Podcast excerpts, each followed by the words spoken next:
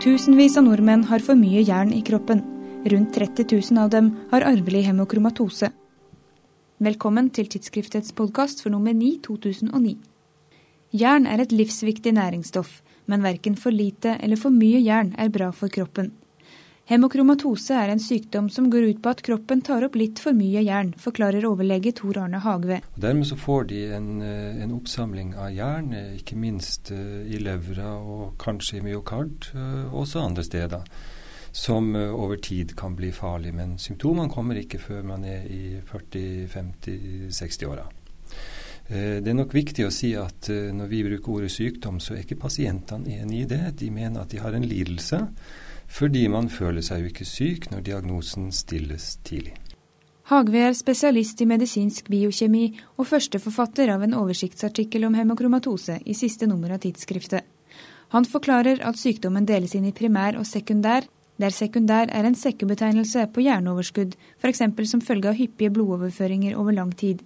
Primær hemokromatose er den vanligste, og denne skyldes arv det er en mutasjon som finnes hos 90 eh, av de som har eh, hemokromatose, eh, C282Y-mutasjon. Men så er det også noen som ikke har mutasjon. Og vi vet jo at også at det er en del pasienter som har sekundær hemokromatose, som de da får pga. talasemi, eller kanskje lager de fortsatt mye mat i jerngryte, eller kanskje har de spist jernpiller over mange år. Så primærhemokromatosen er hovedsakelig eh, genetisk. Eh, den sekundære hemokromatosen eh, kan skyldes da andre ting. Ja, hva er symptomene? Hva bør gjøre at legen bør tenke hemokromatose?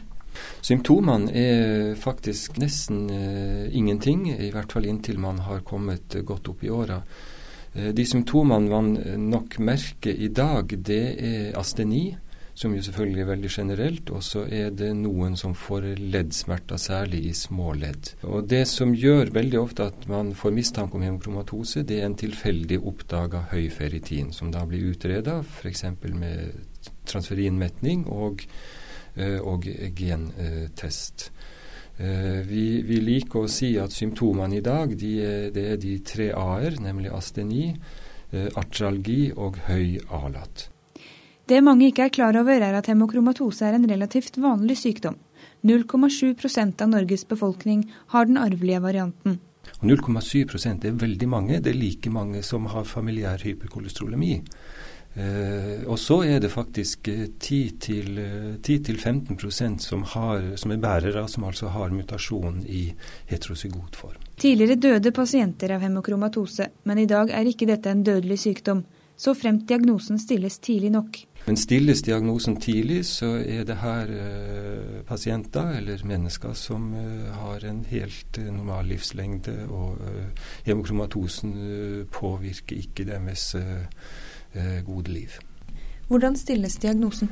Diagnosen er veldig enkel. Diagnosen er rett og slett å gjøre jernparametere. Den første parameteren som slår ut, det er transferinmetning.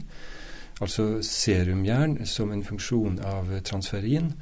Uh, og transferinmetning, når den er uh, over uh, eh, 50-55, så skal man mistenke hemokromatose. den andre parameteren som beveger seg, er selvfølgelig ferritin, og det er ferritin det er mest fokus på. Sånn at en ferritin over 300 mikrogram per liter hos menn og 200 hos kvinner, det skal få ei klokke til å ringe. og eventuelt få gjort en uh, mutasjonstest. Hos kvinner utvikler sykdommen seg langsommere enn hos menn, fordi de taper en del blod i forbindelse med menstruasjon. Tap av blod er også måten å behandle sykdommen på, i form av årelating eller venesektio. Man starter veldig ofte ganske aggressivt med å tappe én gang i uka. Uh, og, og uh, Målet er å komme ned i ferritin som er ganske lavt, nemlig 50. Man vil gjerne ha det så lavt, for da vet man at uh, vedlikeholdstapping behøver ikke å være hyppigere enn kanskje hvert halvår eller tre-fire ganger i året. Og, og dermed liten plage for pasienten. Og Det er også, selvfølgelig også sånn at tapping må, må styres i forhold til hemoglobin. Hemokromatose er ikke bare vanlig i Norge, men også i resten av Skandinavia, og i England, Skottland og Irland. Det har bl.a. ført til teorier om at det var vikingene som spredte sykdommen. En av teoriene, eh, den som er like best, den går ut på at mutasjonen faktisk oppsto på Vestlandet i Norge eh, for 1000-4000 år siden. Det her har man faktisk sett på. Og så ble den utbredt med vikingene, som da reiste på sine tokt, og selvfølgelig fikk sine, sine livsledsagere, eller hva man skal kalle det. De fikk i hvert fall barn, øh, og øh, vi vet jo f.eks. det at øh, den islandske befolkninga den stammer mye fra Vestlandet, og menn derfra, og kvinner fra Irland, som da dro sammen over til Island. Så på Island finner man en veldig høy hyppighet. Den aller høyeste hyppigheten finner man i Irland. Du kan lese mer om hemokromatose i tidsskriftet nummer 9 2009. Neste nummer og neste podkast kommer torsdag 14. mai. På gjenhør.